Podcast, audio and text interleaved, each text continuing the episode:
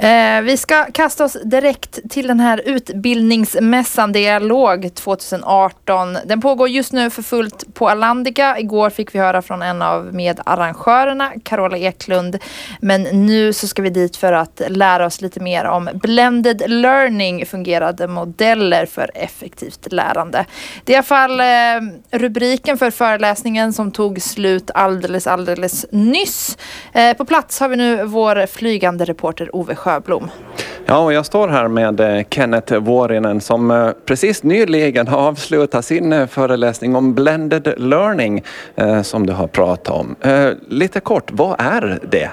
Blended learning i all sin korthet det är att du tar och kombinerar teknologi och det vad teknologin kan erbjuda med traditionell, och traditionell för mig är ett positivt ord, traditionell klassrumsundervisning. Det är det vad det i korthet handlar om. Mm. är det på åt det hållet vi är på väg eller har vi kommit dit redan?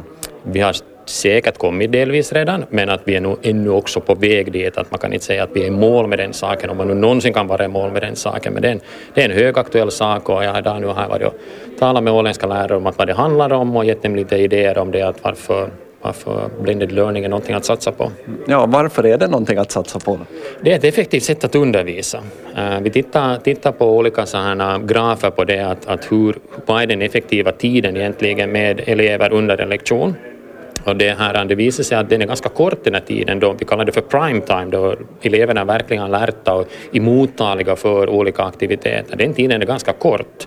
Så att äh, genom att kombinera liksom, teknologi så att de kan ha den här prime timen också utanför sin lektionstid, så där har vi också någonting att vinna, tänker jag. Mm. Eh, och är det då att man får in den här teknologin även eh, i, vi säger, i läxläsning eller är det under skoltiden som man främst ska leta efter det här? No, både och, tänker jag både och tänker jag och, och det att man, man liksom plockar in teknologin för att vi vet att den här vakna tiden egentligen är ganska kort så att genom att avbryta den med pauser, med aktiviteter och sånt här så då så hävdar jag att vi har större möjlighet att få den liksom vad vi kallar då för prime time till att, att hållas lite, lite längre.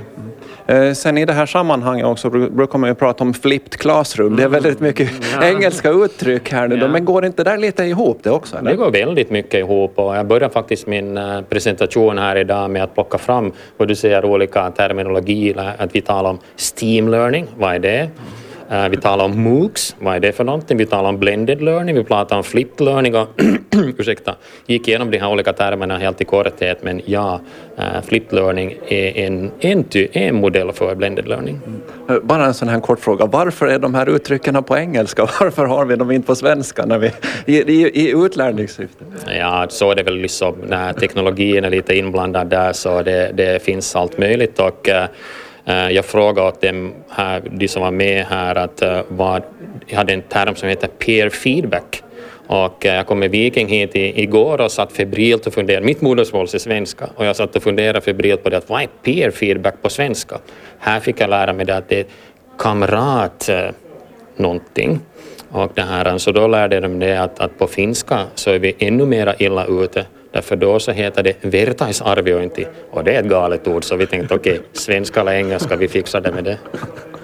Ja, det finns en, mycket, det är en spännande värld eh, som eh, skolan är på väg in i, eller hur? Ja, absolut, absolut. Att jag är själv lärare i bakgrunden och, eh, och men inte stått i klass nu på en tid och, och eh, jag har lärargenfelet så att eh, med alla de möjligheter som finns här nu så så det kanske kommer den dagen då ännu då jag, då jag själv har möjlighet att liksom applicera eller, eller förverkliga de här sakerna som jag pratar om idag som är liksom spännande.